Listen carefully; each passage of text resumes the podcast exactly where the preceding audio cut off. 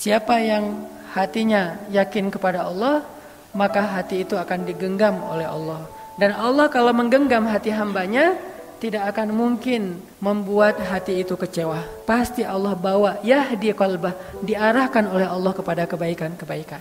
Diarahkan kepada hal-hal yang baik ketika kita percaya kepada Allah. Sehingga ketika Allah ngasih satu ketentuan dalam hidup kita, ah udah kan Allah yang menentukan ini. Ya udah percaya aja. Apa pun yang ditentukan Allah, kita ikut. Dan apa pun kehendak Allah, kita teri terima.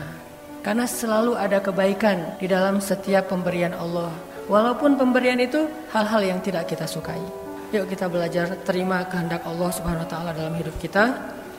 Percaya sama Allah, jangan ragu sama Allah, serahin aja semua urusan kita kepada Allah. Pokoknya kalau udah ada kata Allah, udah beres semua urusan kita insya Allah.